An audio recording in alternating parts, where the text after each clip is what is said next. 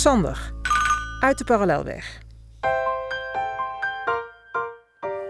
Ik woon hier met zeven mensen. En in dit gezin hebben we twee tweelingen, mijn broer en ik.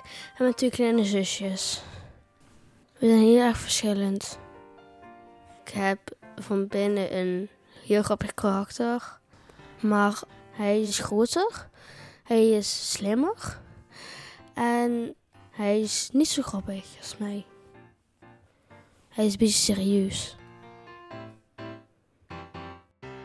Ik zit in groep 8 en ik ga naar het herlocollege omdat ik dyslexie heb. En daar doen ze heel veel met dyslexie. En mijn broer gaat naar het naar Centimeter College voor tweetalig onderwijs. En dan ehm, gaat hij beter Engels leren. En dan gaat hij soms naar Engeland, een weekje of zo. Maar ik, ik ga niet, want ik ga andere leuke dingen doen. Zoals koken en, en banden op een auto zetten.